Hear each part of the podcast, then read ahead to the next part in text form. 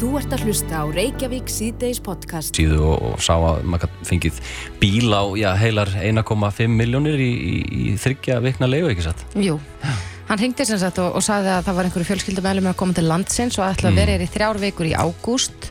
Og fyrst þegar þau konnu þetta þá var verðið eitthvað í kringum 150.000 en, en svo hafði það á stuttum tíma hækkað mjög mikið og var komið um og yfir miljón og þegar við konnum þetta þá, þá var eiginlega sagan svo sama.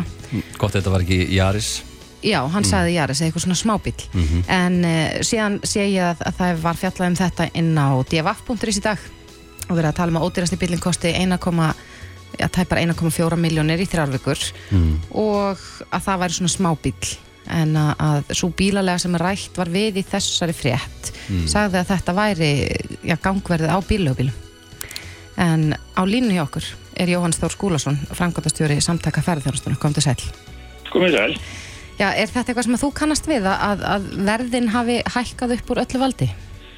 Já, ég náttúrulega þekki það svo sem í þessum bransa eins og öðrum að, að frambóð og eftirspurn ráða verðinu miklu leiti þannig að þegar að e, frambóðið á bílum lækkar eða minkar eins og það er að gera núna mjög mikið af, af ýmsum ástæðum að þá náttúrulega hækka verðið eitthvað e, að, ráði líka. En ég verð nú að segja að ég kemur svolítið óvart að heyra þessar mjög háu tölur. Þetta náttúrulega fer svolítið eftir hvernig bíla er verið að, að horfa á og ef að menn eru komnir upp í bíla sem eru uh, í svona stærri típunum þá geti vel verið að þetta sé e, tilfellið að þá sé vikan á kannski svona á milli 350 upp í 400 og eitthvað þúsund en ég hins vegar gerði nú bara svona lauslega könnun á þessu sjálfur áðan sem ég kjölfara á þessu fréttaflutningi og mér tókst nú að, að finna bíla bara tiltölulega auðveldalega með því að fara inn á síðurnar hjá að mista kosti þremur af, af svona stærri bílalegunum hér á landi og, og fá bíla sem að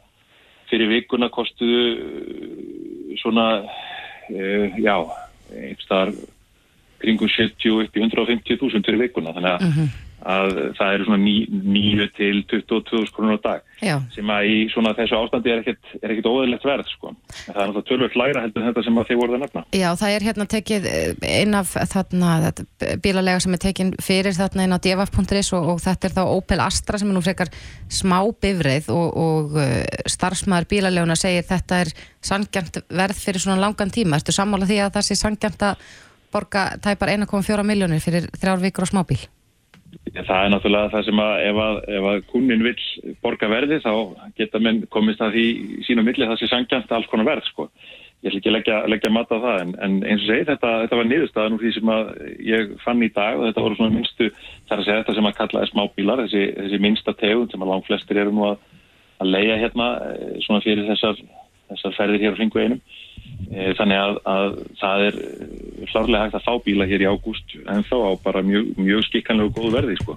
Þannig að þetta er nú ekki þannig að þetta sé eitthvað algilt. Ég hins vegar neita því ekki að þetta er orðið töluvert háar tölur ef menn, menn er að, að leia bíla á um og yfir miljón fyrir, fyrir þér ára vikur en, en það skiptir það máli líka eins og segi hvernig bíla það eru ef, að, ef, að, hérna, ef að það er þannig í potin búið sko. Ætti ég að skella mér og, og, og hérna leia bílinn minn, Pusjó? Og er það ekki sterkuleikur? Já, það er hægt að gera það náttúrulega. Það eru, eru fyrirtæki sem að ganga út af það að vera milligöngu aðeinar um, að- um að fólk geti leikt bíluna sína bara svona svolítið svipað og þegar fólk leir í búður í gegnum Airbnb eða eitthvað slíkt. Það þarf, þarf að huga hins vegar að ímsu í því. Eh, Það er eins og með annað þar sem að svona horfið til þess að fólk geti náði í uh, kannski það sem stundum er sett fram eins og, eins og skjótum gróði að það er ímislegt varandi til dæmis tryggingar sem að rétt að benda fólki á að aðtuga vel.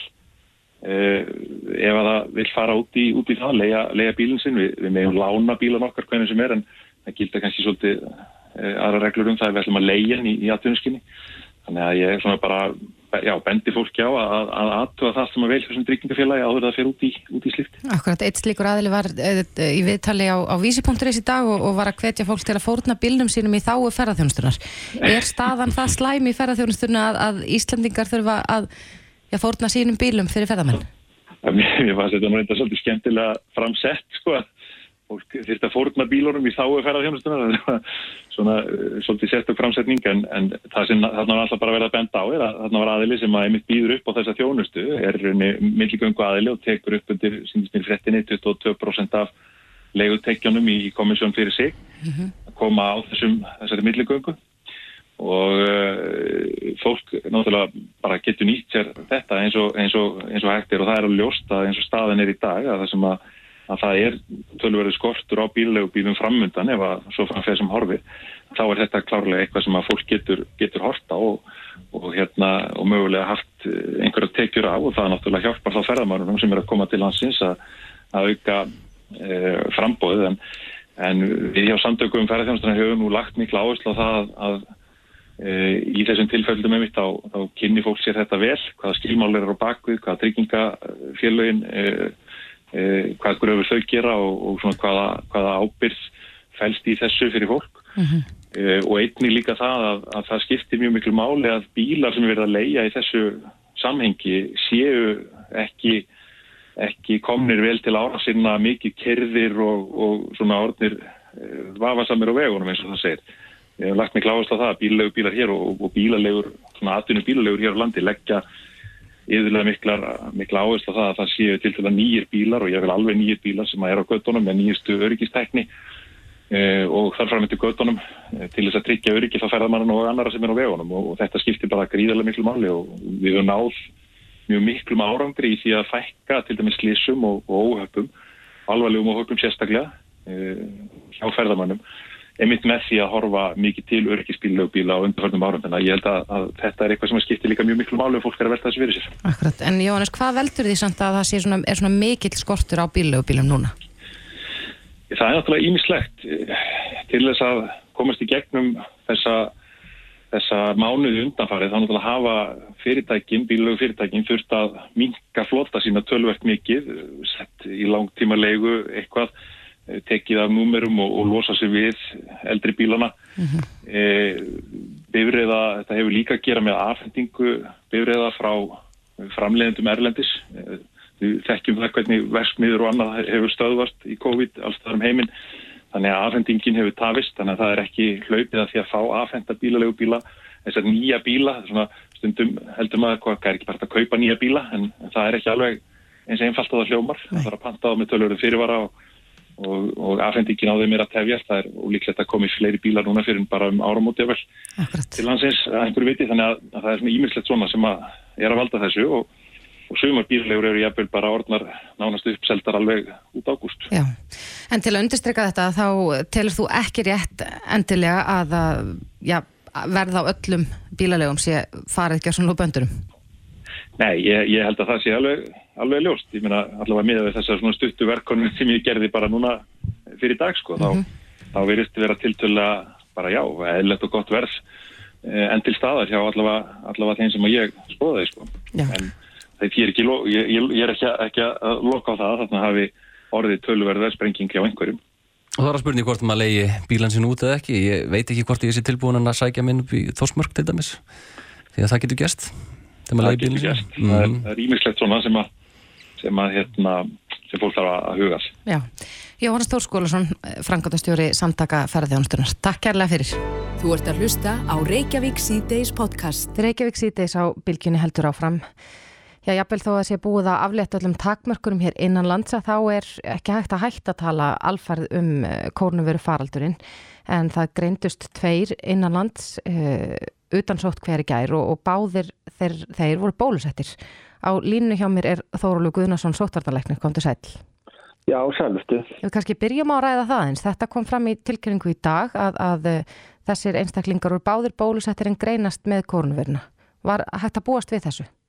Já, já, það er hægt að búast við þessu og það er bara eins og við erum búin að vera að tala um núna undanfarið og vittna í erlendar rannsóknir þá sýnir það sig að bólusetningin er ekki 100% og jafnveg þeir sem eru búin að fá fulla bólusetningu geta fengi veiruna í sig en, en þeir fá ekki eins alvarlega veikindi eins og, eins og þeir væri óbólusettir. Mm -hmm. Þannig að það, þetta getur gerst og þeir geta smitað út frá sér eins og við erum bara búin að vera að sjá og tilkynna um hér undanfarið. Þetta er, þetta er sjálfgæft en þegar, þegar að margir er að koma þá, þá, þá getur við fengið nokkna einstaklingar sem að lendi í þessu.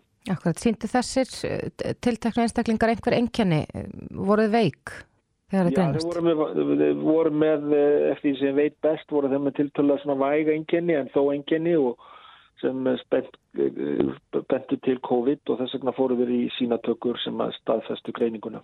Akkurat. Það hefur nú verið talað um það mikið undanförnu að við erum uh, mjög ofarlega að lista yfir þá sem eru bara hvað duglegast er að bólusetja en uh, í dag fóru fram bólusetningar lögatarsöll þar sem var verið að gefa Pfizer og, og það var hægt að koma bara það var svona opinn dagur en um, nú, nú sjáum við svona nánast fyrir endan á bólusetningunum. Ertu, er þetta framar þínum vonum? Ég það er nokkið langt sem við töluðum um að við værum í einhverjum örfáum prósentum. Já, ég veit ekki hvað ég var að segja um það. Ég held að þetta vissi maður ekkert, var, maður var aldrei með neina bólusetning áallin frá framlegendu nákvæmlega á reynu þannig að en þetta hefur gengið bara mjög vel og, og kannski framar þeim vonum sem menn voru með en gengið bara gríðarlega vel og við erum búin að bólusetja uh, bara uh, sko stærsta hlutan af þeim sem við ætlum að bólusetja. En, en þá eru við náttúrulega ekki búin að bólusetja börnin yngre en hvað 16 ára, við erum aðeins byrjuð á börnum og aldrei nú 12 til 16 ára sem erum með undirlíkjandi sjúkdóma. En, en við erum bara komið með mjög góða þáttöku og og sem að maður vonast til að það muni skila því að við förum ekki að fá einhver, einhver, einhver útbreytar síkingar, það er það sem að máli gengur út á, en við getum áfram fengið svona ein, ein, einstakar síkingar og, og kannski litlar hópsíkingar, það er það sem við erum búin að vara við en því við vitum að, að veiran er að koma í gegnum landamæri með fólki sem er að koma frá útlandum. Mm -hmm. Er full ástæði til þess að minna fólk á, á persónlega sóttvarnir, sérstaklega í ljósið þess að það voru að greinast hér smitt hjá þessum bólusettu?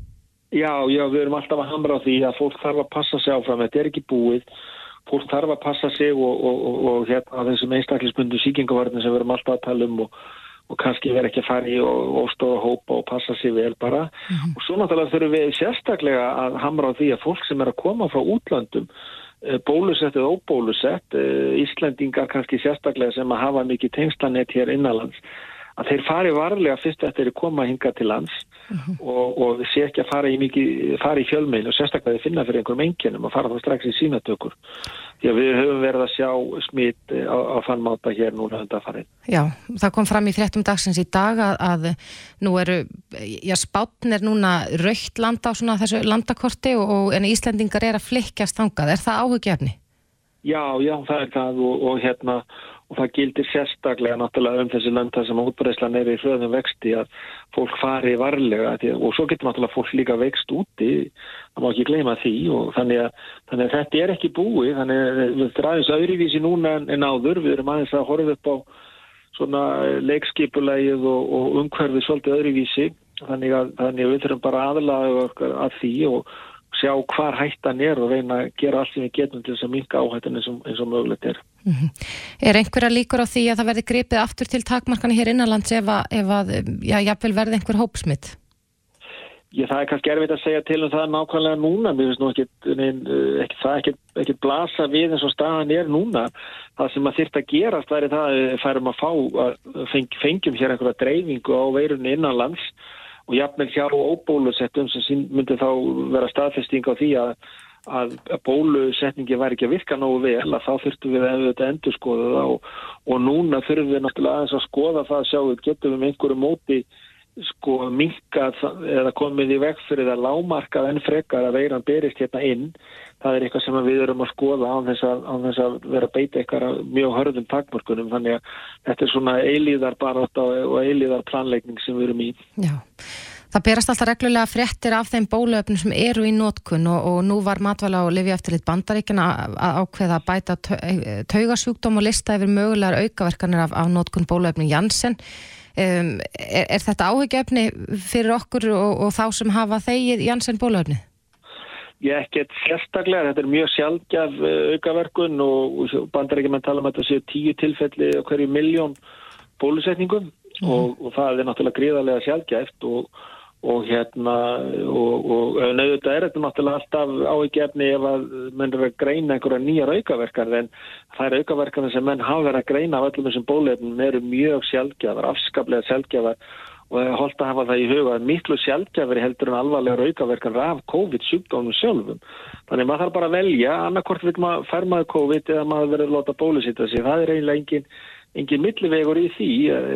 Ég held að menn losni ekkert við við COVID nema, nema að, að fólk loti bólusetta sig. Já, nú hefur Pfizer sótt um leifi eh, til þess að byrja að gefa þriðja skamtina af sínu bóluefni.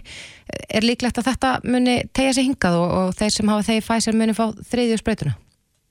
Það er nú bara ekki alveg uh, sko augljóst á þessar, þess, þessari stundum. Það sem við erum að skoða Núna er það hvort að fólk með undirliggjandi ónæmisbælandi sjúkdóma til dæmis, hvort að þau myndu þurfa, þeir myndu þurfa að fá þriðjaskamtinn. Mm -hmm. Nú uh, við erum að líka hugsa um hvort að fólk sem hefur bólusett með Janssen þurfi skamt nummer 2 til dæmis og uh, ég held að það sé svona, kemur nú fyrst en ef að það sýnir sig að, að virknin að bóluefninu, ef að hún fyrir að dvína mjög hratt, að þá, þá þarf, þarf að skoða það mjög, mjög, mjög alvarlega hvort að eigi að að hérna gefa þriðatum þriðaskamtin en það er bara ekki komið að því að, að taka neina ákorun í því. Nei, en uh, varandi þess að tvo sem að greindust hér innanlands er verið að rekja ferðir þeirra og, og sjá hvort að það séu fleiri sem þurfa að fara í sótkvíu vegna smittana?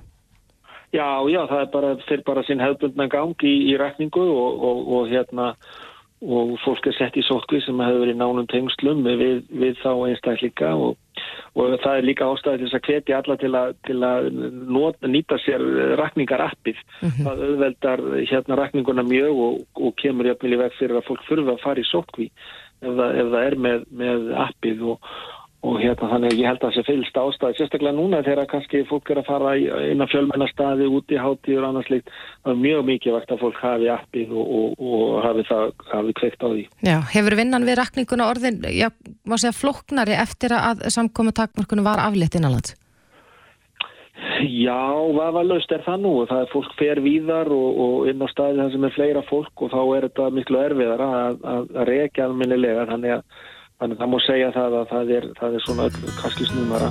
Já. Þorli Gunnarsson, Sotvartanleiknir, þakka kærlega fyrir þetta. Já, sumulegis, takk fyrir. Bless.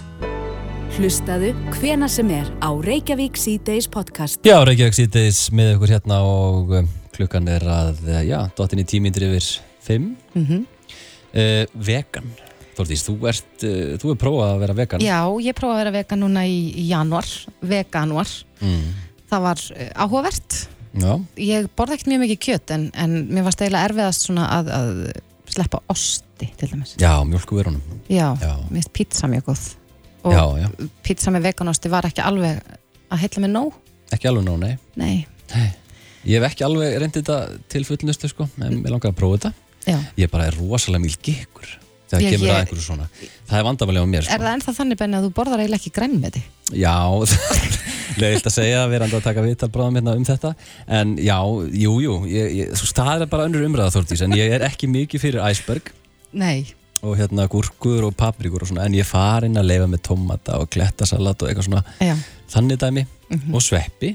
Já. við sveppi góðir þetta, þetta er bara svona, við getum haft podcast um þetta mál sko, já við ættum kannski bara að gera það mögulega En hins vegar þá er alltaf einhver, uh, það er mikil þróun í gangi og svona mikil vitundavakning gagvart því að kjötneisla og neisla og mjölkuverum og svona hefur ekki mjög jákvæð áhrif á umhverfið. nei, nei. Við erum að framlega mjög mikið af kjöti og, og mm. mjölkuverum en uh, nú var Íslenskt sprótafyrirtæki að fá allskinn styrki til þess að framleiða vegan vöru sem heitir Tempe Mhm. og mér skilst að þetta er svona grunnur að allskins vegan matvöru, próteingjafi. Og- Já, hann er komið til okkar frangandastjóri vegan gerðarinnar, ekki vegagerðarinnar Þortís Nei, Allir Stefán Ingvarsson, velkomin Takk fyrir. Já, er þetta rétt? Er þetta, er, hvað er tempi? Byrjum á því. Uh, tempe er, uh, held ég, þúsund, yfir þúsund ára gammal réttur frá mm. Indonési uh, sem er gerjaður réttur búin til úr einhverju sem er kólinstríkt og sveppim, eða tveimur sveppum sem við setjum út í og hérna sveppurinn er að, að opna fyrir uh, aukna næringu og, og bætir hans við í hérna próteninu og sem sagt fer í kringum þar sem þú notaði eins og einhver, einhvers konar bönir eða, eða bygg eins og við erum að nota, við erum nota íslenskt bygg og þykir þetta og býr til svona hleyf úr þessu þannig að það sé auðvelt að vinna með mm -hmm. efnið frekar. En veit, er þetta þá að því ég er svolítið blanko eins og heyrðir að hérna, ég er ekkert mikið fyrir salatið en er þetta, er þetta sem sagt ekki þetta er ekki sojakjöld Eh, Sko, það er hægt að gera þetta úr sojabönum og það er eitt, eitt vinstæðslega efni sem er notað matur- eh, til að búa til tempe. Við erum að nota byggið, eh, það er hægt að nota alls konar bönur, eins og segi, og hérna uh, úrverður þessi hleyfur, segi, sem er rauninni.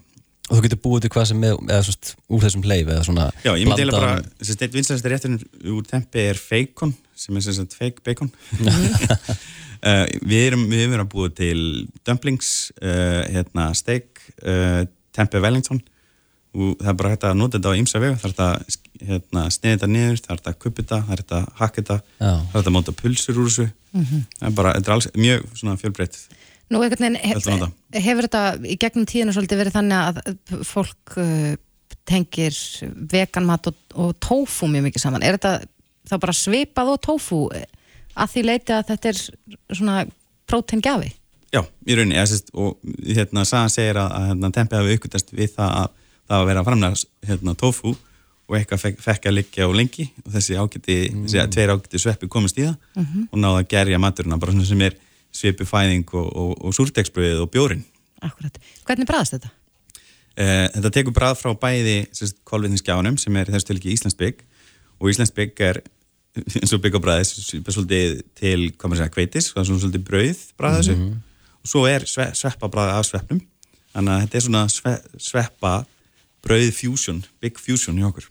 Akkurat. Þetta er svona bara, já, þetta er basically grunnur í alls konar mat. ég myndi bara að horfa á þetta eins og svo, hvað maður segja, hérna, eitthvað sem geti komið í staðin fyrir kjöt, fyrir þess sem vilja ekki kjöt, kjöt. Já, það var næringagildin í þessu mjög hendið til þess og það er þetta verka rauninni eins og það er þetta bara hugsað hugsa, hugsa með þessu kjött Nú hefur líka verið oft talað um sko vegan eh, matargerð og, og það sé ekki beint, að það er ekki sama sem merkir með, á milli þess að vera vegan og að vera holt og það er mikið af svona unnum unri matvöru sem er vegan.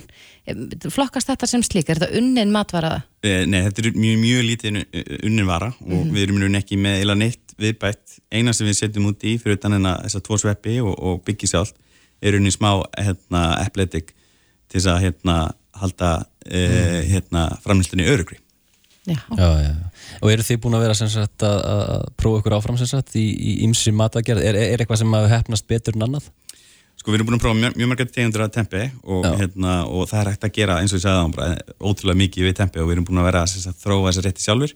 Um daginn heldum við svona pop-up á Von Matús í Hafnarfyrði og hérna, gerðum þar hvað fjóra rétti og meðal hans eftirrétt þar sem við gerðum svona, hérna, e, svona hunangs stekta útgáfa af tempi Ok. og hérna saldröfum yfir hérna, e, hérna ís, vegan ís. Kom bara mjög vel út og, og þar vorum við líka með hérna e, ragu, tempe ragu og með hérna nokki mm kom bara mjög vel út, þetta er bara eins og segja, þetta er mjög, mjög skemmtlegt ráfni til þess að nota. Hefur þetta ekki verið framleitt hér á landi áður? E, nei, þetta er fyrst getur sem eh, tempe verður framleitt hér. Það er eitthvað að frostnu innflyttu e, og það er oftast búið til úr svona frekar ódýrum e, sojabönnum en við erum með þetta með hágæða íslenskt bygg uh, sem hefur, er náttúrulega bara allt öðru þetta er, í rauninni alveg 20 sekvort sko. og við ætlum að reyna að koma með ferskavöru og bjóða upp á hana fyrst í, í búðum Haga uh, sem var einmitt að gefa okkur einn af þessum styrkjum uh, upp sprettan. Og hérna verðum vondi fyrst með þess að vera núna í haust í, í Hagköpum og hérna það verður þessi ferska sem við svona viljum staðsetja sem svona hágæða próteingjafi og það, en það er hægt að það er hægt að sjóða hana til þess að hérna, stoppa lífið. Þetta er náttúrulega lifandi ef þetta er fest Já. og heldur áfram að breytast. Eh, ef við sjóðum þetta þá getum við lengt heilu tíman um, um kannski tvær vikur. Uh, og svo er auðvitað hægt að frista líka annarkvort þá eftir að við sjóðum þetta eða áður en við sjóðum þetta. Og það er alveg mjög rosa myndi gæða munur á þessu öll Akkurat, en, en, hvað er það sem drýfur ykkur áfram í þessu? Er það umhverfisáhrifin af, af sko kjötneyslu? Já, við, við erum hérna, við Kristján Tors sem er með mér í þessu, við erum svona skilgrum okkur sem vistkera og, og það er, er umhverfisborið sem dregur okkar að borði í, í þess, þessu verkefni og svo náttúrulega bara ástin á, á mat, við erum báðið mi- matmikli menn og hérna svona connoisseurs og hann er, hann er hérna kokkur, hann Kristján og hérna og við höfum áður tekið þátt í svona verkefni ég er sem sagt saman, það sem gekk vel við hérna tókum þátt í brauðtertu samkefni árum 2019 og þar vorum við með harfisk salats brauðtertu sem eh, vann til velna Mm, ok, og fyrir það að vera frumlegt eða fyrir bræðið eða hvernig? Já, fyrir það að vera frumleg, já. Já. Og, og sérst bræði kom hérna, hvað heitir hún, Margreti og Sigga Hall skemmtilega vart Já, og ok. hérna, sem fengur sér tvísvar að smaka. Já. Þetta er eins og, er eins og túnfiskaldið. Þetta er kostunum við það að vinna í útvarpi að ég gerði frekar ljótan svip þegar ég heyrði harðfisk bröðtesta. Mér langar svo að fá hann bara í næstu viku og koma með eitthvað gegja. Já, Svo akkurat. skrítið gegja. Eitthvað Já. skrítið úr tempi, nákvæmlega. En, uh, og hvenær munum við sjá þetta í búðum? Já, eins og ég sagði þá held ég að við munum stefna að því að komast inn í Vestlanir eh, hérna, um haustið, bara Akkurat. fljótlega haust. Glæsilegt. Atli Stefán Ingvarsson, framgátastjóri vegan gerðarnar. Takk kærlega fyrir komuna. Reykjavík síðdeis á bylgjunni. Það er búið að vera mjög ofarlega á öllum fréttamiðlum í dag að hver stjarnan og fætur annari er að vera fyrir barðinu á tyrkneskum hakkara. Já, heldur betur. Þetta er, þetta er stór undarlegt mál og uh, þessi svo kallaði hakkari sem að, uh, já, uh, hvað stendur hérna, hann kalla sig uh, King Sanchez X og segist geta, já, lokað hvaða aðgangi sem er. Já, hann segir hérna sjálfurinn á Instagraminu sínu, þessi King Sanchez. Mm. Í staðin fyrir að, að um, kenna okkur um, hann, ég er að þýða þetta svona í beinni þannig að Gott ég er. Já, í staðin fyrir að kenna okkur um hvernig væri að horfa á þá sem standa nærðir og borga okkur peninga fyrir þetta. Þannig að það, hann er svona svolítið að íja því að það séu einstaklingar uh, sem að, að senda honum nöfn og bara, heyrðu, hakkaði þennan og þú færð einhverja ákveðin upphæð fyrir. Þannig að þetta lítur út fyrir svolítið skipulöð árás á einhverja ákveðina áhrifavalda hér á landi. Já, hann er á línunni Nökkvi Fjallar Orrason, samfélagsmiðla, fræðingur og eigandi umbóðskrifstofuna Swipe Media. Nökkvi, þú sagðir, já, þetta veri bankarán 21. aldarinnar í frétta á, á morgunblæðinu. Er þetta ekki svolítið stór orð? Jó, þetta er alltaf að vera að ræna bankahólfin hjá þessum einstaklingum, það er náttúrulega þannig sko. Búið að vinna lengi í þessu að hérna, byggja upp Instagram og, og hérna, já, þetta er, atvinnutæki fyrir marga mikið af þessu lið, þannig að klárlega mitt, hérna, myndi hérna, segja það, þetta, þetta er einhvers konar bankarán sko. Það eru margir sem að, að ég hef nú aðeins verið að fylgjast bara með umræðinni kringum þetta mál í dag og, og fólk í, í kommentakerfum segir bara sko, hvaða máli skiptir þetta, getur við ekki bara fengið sem nýtt Instagram. Er það ekki málið? Sko, það er alltaf þetta, hérna, alltaf þetta byggjum nýtt en bara náttúrulega gífulega mikil vinna sem við farið að byggja þannig reikning sem að þetta liði búið að byggja upp og, og hérna gífulega sjokk og, og, og hérna skilja vel að, að hérna og geta þetta mér náttúrulega ekki verið þessu spórum en geta klálega skilja það að þetta sé gífulega erfitt sko. En hefur heyrst einhver dæmi um það að, að fólk hefur já, orðið, orðið mikið fyrir þessu? Fleiri heldur en bara þessi endilega, þessi hópur fólks sem að hefur komið í fréttunum? Ég hef ekki hert mikið en innanland sko. Ég hérna, var hérna koma frá, frá hérna London bara fyrir nokkur dögum síðan og þá var verið að tala um þetta. Það var einhverja búin að lendi í þessu og hérna og þá voru að vera að fara yfir þetta og þá hérna og þá hérna einmitt já, tilkæðist þetta eitthvað sko en ekkit eitthvað, ekkit eitthvað gífulega mikið sko. Nei, en eins og ég var að segja þetta náðan, ef maður skoðar sko, Instagram profílinn hjá þessum hakkara sem að er talin bera ábyrð á þessu, að þá svona íjar hann að því að, að það sé hægt að bara senda honum notendanafn hjá einhverjum og borga honum fyrir að hakkan. Heldur þetta sé að það, sé, það sem er að gerast hér, að einhver aðil er að benda á þessa tilteknu uh, áhrifavalda? Sko, ég get náttúrulega ekki svara um að ég þekki ekkert frekar en þetta bara sem að sér sko. Þannig að það er eftir um að segja, segja til um það sko. Það er hérna, uh, já þannig ég get ekki tjá mig um það hvort að, hvort að það sé að gera sko. Nei, en margir, margir áhrifaldar er að nota þetta bara hennilega sem atvinnu tæki sitt og, og þannig eru fólk sem eru með marga 20.000 fylgjenda, það hlýtur að vera erfitt að byggja það upp aftur ef þeir ná ekki reikninginu sínum aftur í sína hendur. Algjörlega sko, algjörlega það er klárt mál en, en hérna, já þetta er voru mörg ára í uppbyggingu og, og líka bara þess að vera minningarnar inn á og þetta er ekki bara sko, þetta er líka náttúrulega Instagram heldur utan um, um story og annað í, í archive sko sem er, sem er skemmtilegt að flett upp og svona. Þannig að þetta er ekki bara, það er eitt að þessi tekið það fyrir einhverja annað sem eru bara eru um þetta að vinna við að pústa þarna en, en, og svo annað um þetta bara minningarnar og, og hérna, það sem fylgir, fylgir þessum meilum sko. Bara Það er búin að byggja þetta upp mörg hver síðan bara, síðan 2012 þegar, þegar þetta, þegar Instagram var fyrst vinsalt sko. Já. Hefur eitthvað heyrt hvernig gengur hjá, hjá þessum einstaklingum að, að reyna að, að fá þetta aftur? Nei, sko, maður er náttúrulega að fylgjast með þessu og þekkir náttúrulega einstaklingan innan, hérna, bara innan þessu hóps og hérna, það er verið að gera þetta allra best að sjá hvað þetta er að gera, sko.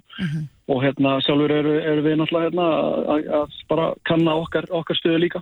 Já, en þú ert, þið vilja hjálpa, þið og Svæp Media vilja hjálpa þessum einstaklingum að reyna að, að koma aftur undir þessu fótum. Hvernig gerir þið það?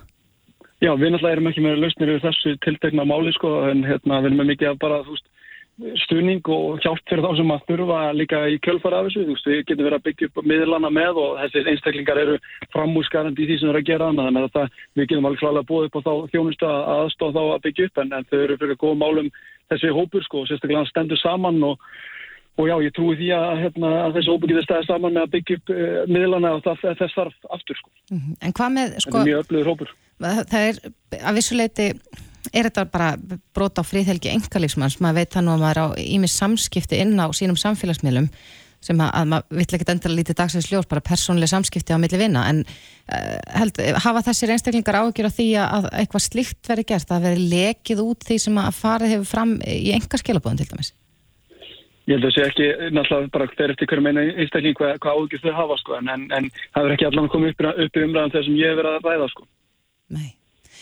Þetta er aðalega mitt svona bara að missa Instagram reikningi sinn og, og tekjutabið sem því fylgir, ekki sett? Já, akkurat og, og líka óþægilegt, þetta er svona innbrot inn á sitt svæði eins og við tala um þú veist, að, hérna, að, að fara inn- á sitt prívat svæði, sko, það er alltaf óþægilegt, sko, og hérna, og bara hvort þessi brotist inn á heimilega annað, þetta er alltaf, alltaf óþægilegt að fara inn í svona persónlega, hérna, persónlega hluti, sko. Já, en heldur við séum búin að sjá uh, það síðast af þessum King Sanchez X, það stendur hér á uh, mbl.is hvort að Jón Jónsson söngvari sér næstur í rauðinu vegna þess að hann setti skjáskot af síðu Jóns uh, inn á Instagram og er að helsonum þar, ætti Jón að vera hrættur?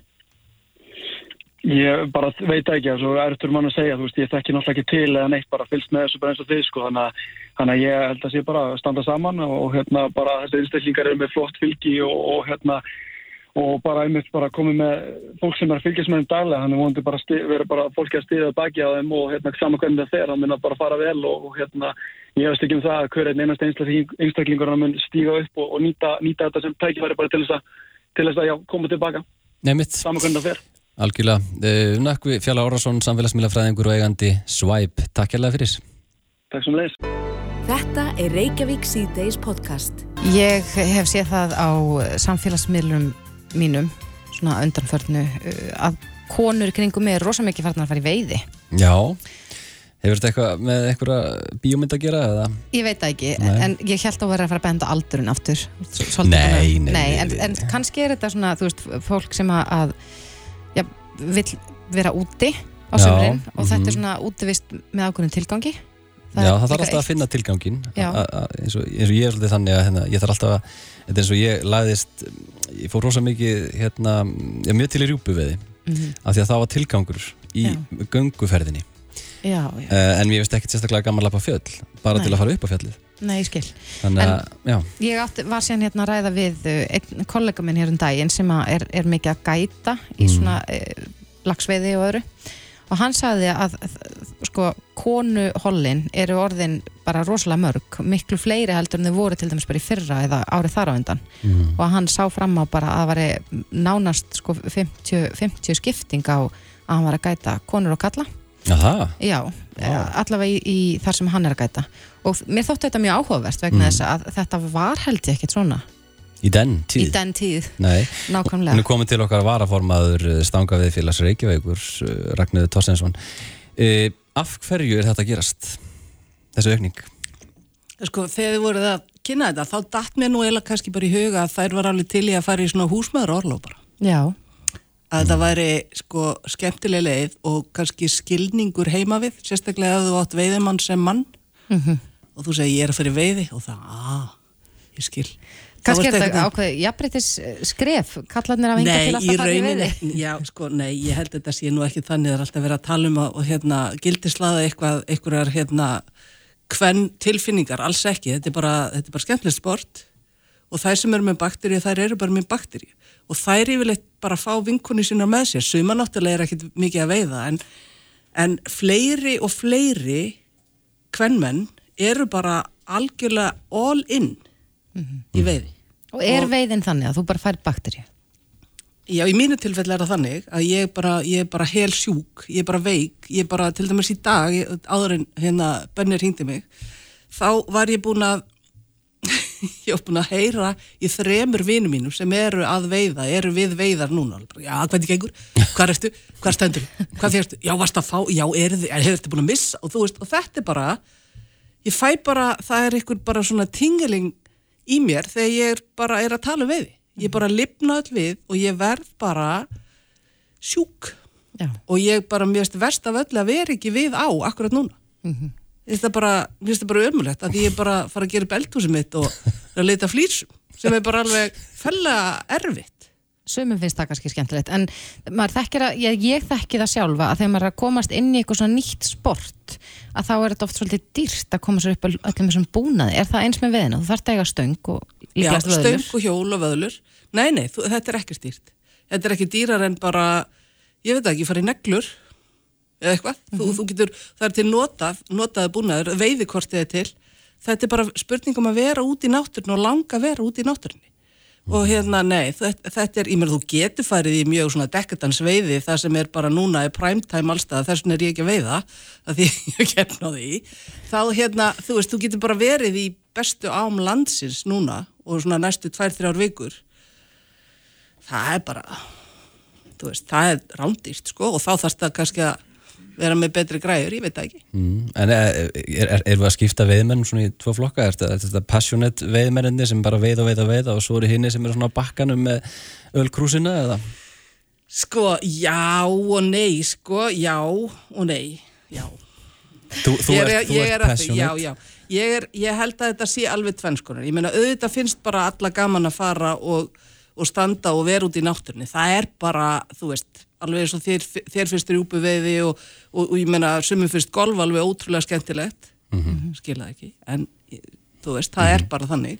Já, og þú veist, og þá eru bara sumir hafa bara virkilega gaman á golfi og, og hérna, stoppa aldrei á 19. og fara bara heim og æfa sveifluna en, en þú veist, svo er aðri sem eru meira á 19. hólunni þú veist, alveg, Já, þú veist, já. þið skiljið hvað ég. Eh, þú veist, ég var að læra þetta 19. hólunni ég, Ég- ég var svolítið lengi að fatta. já, Já. Nei, nei. En, en þú veist, já, það eru sumir sem hafa auðvitað gaman að þessu en eru ekki svona ótrúlega miklir ástríðu veiðumenn það er bara, það er bara tvent Já, en það er oft svona, ég meina, ég reyndar hef ekki séð þessa bíómynd síðasta veiðiferðin sjálf. Margi, ég hef ekki Ha? séð hana, já, bara eftir að gera það. Ekki heldur, ég hvað sko. Hæ? Já, þetta er lélitt. En, en það, ég hef allavega heyrt að það er, þetta er svona svolítið mikið partí, er, er það alltaf þannig þegar maður fyrir veiða, það er svolítið svona verið að fá Eh, sér og svona. Þeir voru nú bara klauskir og, og hérna abarasar hana, þessir í veiðferðinni og, og, hérna, og þeir, þeir höfðu smá vín, vín um hönd og eitthvað svona, jú, og já, já, það er alveg getur alveg alls konar verið svona en ég, ég hef aldrei upplifað það sko Nei. En er þetta ekki bara eiginkonuna sem sá myndina og kröðust þess að fá að fara með? Það núna í gæti verið, þú ert búin að leysa gátuna þess vegna veiða konur svona mikið Já, þetta er svarið fyrstu spurningunni. Nei, ég held ekki, við erum komin í ring Já, en kannski að fyrstu spurningunni samt við, þú við fáum þig hinga til þess að ræða hans um konur og, og veiði, hefur þetta verið að aukast mikið á undirfórtum ára? Mm. Já, það er algjörlega og hérna, og þær eru bara og sumir segja að það sé til dælega miklu betri veiðmenn, þær eru svona mýgri allar, þær eru uh, ganga hljóðlega að, að bakkanum. Þær eru, ég veit það ekki. Annars, ég, þú veist, ég veist leiðilegt að skipta í hópa. Ég held þetta sé bara manneskjan annarkvort ertu með bakteríu eða ekki. Og þær eru bara að uppgöta þetta. Og þær eru þú veist ég, ég, ég veit það ekki, þó ég sé kona þá hefur ekki hugmyndum akkur það er farnar að veiða svona mikið. Nei, en fyrir þá sem vilja kannski prófa, hvar, hvernig byrja maður? Það er til dæmis, gaman út komir að því. Það er til dæmis í hérna Stangæðifélagi Reykjavíkur er eh, kvennadelt, mm og þær fara nú aldrei saman að veiða. Og ég held að þær hafi nú sannlega haft eitthvað að segja um, um hvað eru margar, mörg holl í, í langa og ég, þú veist, ég er ekki vafa. Svo eru bara mjög margar konufarnir að fara á gætanámskeið og, og þú veist, það er hægt að gera alls konar og, og ég hvet allavega konu til þess að koma og, og hérna upp í Stangæðifélag og allavega að setja sér í samband við kvennanemndina. En byrjaðu að kaupa sér vöðlur, er það ekki þú ís? Já, kannski, þú veist, er það ekki mitt- ekki þannig að maður ætti kannski bara að fá lánaðar völur hjá einhverju góðru vinkonu og, og, og stöng Svo er mittisvöðlur, heimilinu? það þykir smart. Þykir það smart, já. Já, en þú kannski fá lána til að aðtöða hvort þú sért Já, ég- til í þetta út af því að ég held að séu margir, ég var akkur í smá samræðin við vini mínum dagina að það er, er margir sem eru þannig að bara svona tilhugsunum að veiða er æðislega þannig að þú fer að kaupa þér allt sem þú þart Já, og svo kannski byrjar og þá Ég meina, hvernig byrjar í golfi? Þetta er bara það nákvæmlega sama. Þú bara, þú veist, færið annarkvort lánað eða ykkur vinnuðin tekur þið með þér, kaupir veiðkortið, prófar. Ef þið finnst þetta stuð, þá bara verður þú smá en er stuðið að, að fá fiskin eða bara að reyna að fá fiskin bara challenge við að vera út í náttúrunni og, og glíma við hana. Ég held að það sé svona bara partur af þessu. Það er bara hvað, já, það er ekkit endilega að þú þurfur endilega að veiða. Nei. En þú ert ekki kannski, þú ert ekkit mikið að veiða hérna á bryggju Nei, en þannig byrjaði ég sem lítið stelpa. Þar hjekk ég bara því ég var lítil, þannig því ég var líka veik því ég var lítil. á dorga Dorga, Já, ég á margar minningar af því á, á brygginu og gaman að- já. Mér fannst það mjög gaman, já, fannst þið gaman að fá fisk? rosalega Hvernig leiðir? Mjög vel. Já, nákvæmlega. Ég held að ég þurfa að fara að prófa Já, ég held Ég líka uh, og við hvetjum alla til að prófa En uh, Ragnarður Þorstinsson uh, varaformaður stanga veiði félagsins sem að stanga veiði félagsins Já, þetta er stofna 1939. Já. Þeir voru ekki viss. Hvernig á að bera þetta fram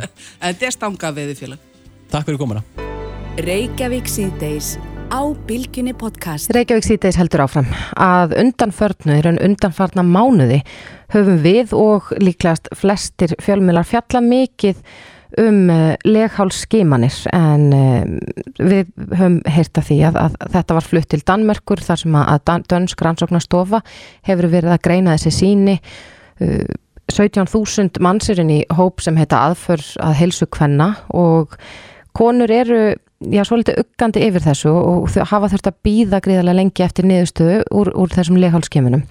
En um daginn kom helbriðsráð þeirra í, morgun út á brásar 2 og sagði að, að það væri verið að hefja undirbúninga því að flytja þetta aftur hinga til lands. En í dag gaf Læknafélag Íslands frá sér fréttatilkynningu um skipun starfshóps vegna leghálskimana og á línunni hjá mér er formaður Læknafélagsins eh, Reynir Artgrímsson. Kom til sæl.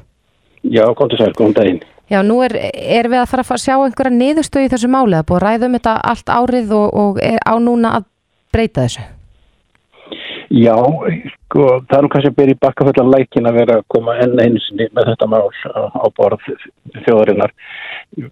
Það er maður náttúrulega fagnar efni að uh, helbriðisar á þeirra uh, tilkynnti það að, að hún náttúrulega hefja undirbúninga því að færa rannsóknir á leghafsýnum uh, til uh, landsins aftur. Það er nú eitt af því sem að hefur staðið mestu styr um. En nú ætlið þið að, að skipa þannig starfsóp og hvað ætlið að gera í hópnum? Á, á að skoða framkvæmdina eða, eða leggja fram einhverja tillögur um hvernig þetta ætti, það gæti farið betur? Já, það, það er tvent í þessu. Við teljum, voru, teljum mikilvægt að, að læra af því sem að gerst hefur í þessu, uh, bæði til skamstíma og lengri tíma, þannig að, að við getum uh, svona forðast að lenda í þessari stöðu aftur. Það er alveg greinilegt að uh, umbreytingar stjórnuninn og, og það ferli sem fór í gang var ekki nægilega vel uh, undirbúið. Og þannig að við höfum orskað eftir því við starfsópin að, að þeir taki saman öllu gögg sem hafa komið fram, öllu sjónamið sem hafa komið fram í þessu máli þannig að, að það sé þá til skrásett á einum stað og, og, uh, og síðan komið með uh, niðurstöðu eða álit sem skilja læknafélaginu sem að við uh, ætlum að skoða en gæti líka verið þá vega næstu fyrir næsta helbreyðisra á þeirra sem að tekur við eftir kostningar í haust. Þannig að það, sé til uh, samantækt um allt saman fyrir nýja ráðara til að fara eftir. Já, það hefur verið já, mikið gaggrind að svona stór ákvörðun bæði í tengslum við sko, brjósta krabbaminn skemanir og leghálskrabbaminn skemanirnar að þetta hafi verið tekið nánast í flýti án, án, án þess að undirbúningunum væri nú góður og læknar hafa nú algjörlega látið í sér heyra í þessu hefur, eru þið sammála þessu stjórn læknarfélagsins að þetta hafi verið já, í fljótfærðin gert? Já, ég held að það, það sé afljóst að, að undirbúningunum var ekki nægilega mikill og ekki nægilega vandaður e, í þessu máli. E, það kann að vera að það er einhver sjónamið sem hafa ráðið því að það þurft að hafa flíti á eða menn hafa vilja að hafa flíti á en, en eins og oft vil vera þá kemur það í bakið að manni og það held ég sé lærdómurinn sem við e, draugum af þessu núna. Mm -hmm.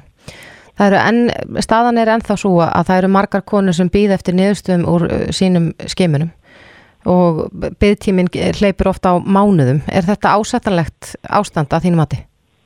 Nei, það er algjörlega ásættanlegt eh, eins og þetta hefur þróast eh, með það og hvað langan tíma hefur, hefur tekið að koma því í lag og, eh, og líka þessi mál sem að tengjast persónuvend að þurfa að vera að breyta íslensku kennitölum í ellenda kennitölur og, og svo fram og tilbaka sá ringlandi er, til er ekki til fyrirmyndar. En eru þið bjart sín á það hjá læknafélaginu að, að þessu verði kipt í laga ef þetta kemur aftur hingað að, að þá muni jafnvel já, tröst hvenna á þessu kerfi aukast á ný? Já, ég held að það sé mjög mikilvægt. Eh, Þetta er náttúrulega eina grundvallar þjónustu fyrir, fyrir konur og uh, er í rauninni lífsbörsmál fyrir margar kvenna að, að, að mæta í, í skimun. Og við hvetjum allar konur til að fara í skimun núna þó að það hafi komið þetta högt í upphafi. Kerfið er að, að batna, þetta er að lagast hægt og bítandi og það er unnið að umbótum að miklum krafti hjá heilsugjærslunni þau mega eiga það uh, en þetta hefði mátt vera fyrir. Við, sem segi, við hvetjum konur til að mæta og, og það getur bjarga lífum Við töluðum í, eh, ég held í síðustu viku við frangatastjóra Krabbameinsfélagsins og eh, hún gaggrinda einhver leita að, að það hefði ekki verið farið nægilega vel í, í kynningarátaki í svona hálfpartin herferð til þess að fá konur til þess að mæta í skimanir, hvort sem sko leghálsi eða, eða brjóstakrabbminn skimanir. Uh, er það ykkar mat líka að það þurfi að, já, svolítið að íta eftir konum í þessum efnum? Já, það hefur reynslan verið og ekki bara núna í kringum þetta. Það, við, við höfum, sáum undanfjöndum árum að, að þáttaka kvenna var að fann að dala og var komin undir þau viðni sem við hefum vilja sjá og hafa verið sett að, að hlutar kvenna sem að mætir í, í reglubundna skimun og það held ég að sko tvent sem að hafi hafi þurft að gera er, er að efla kynninguna og kalla eftir því að konur komi.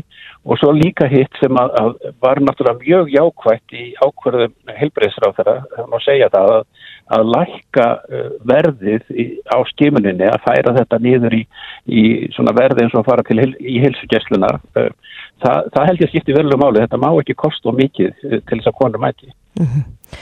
Já, en hvenar mun uh, þessi starfshópur skila sínum uh, já, niðurstöðum eða áliti?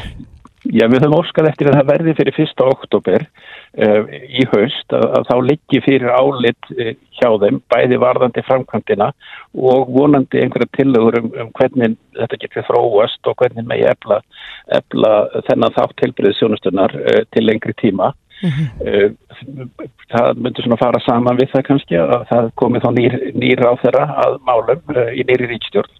Já, vonandi uh, mun sá ráð þeirra læra af reynslunni, Reynir Artgrímsson, formaður Læknafélags Íslands. Takk kærlega fyrir þetta. Já, takk fyrir.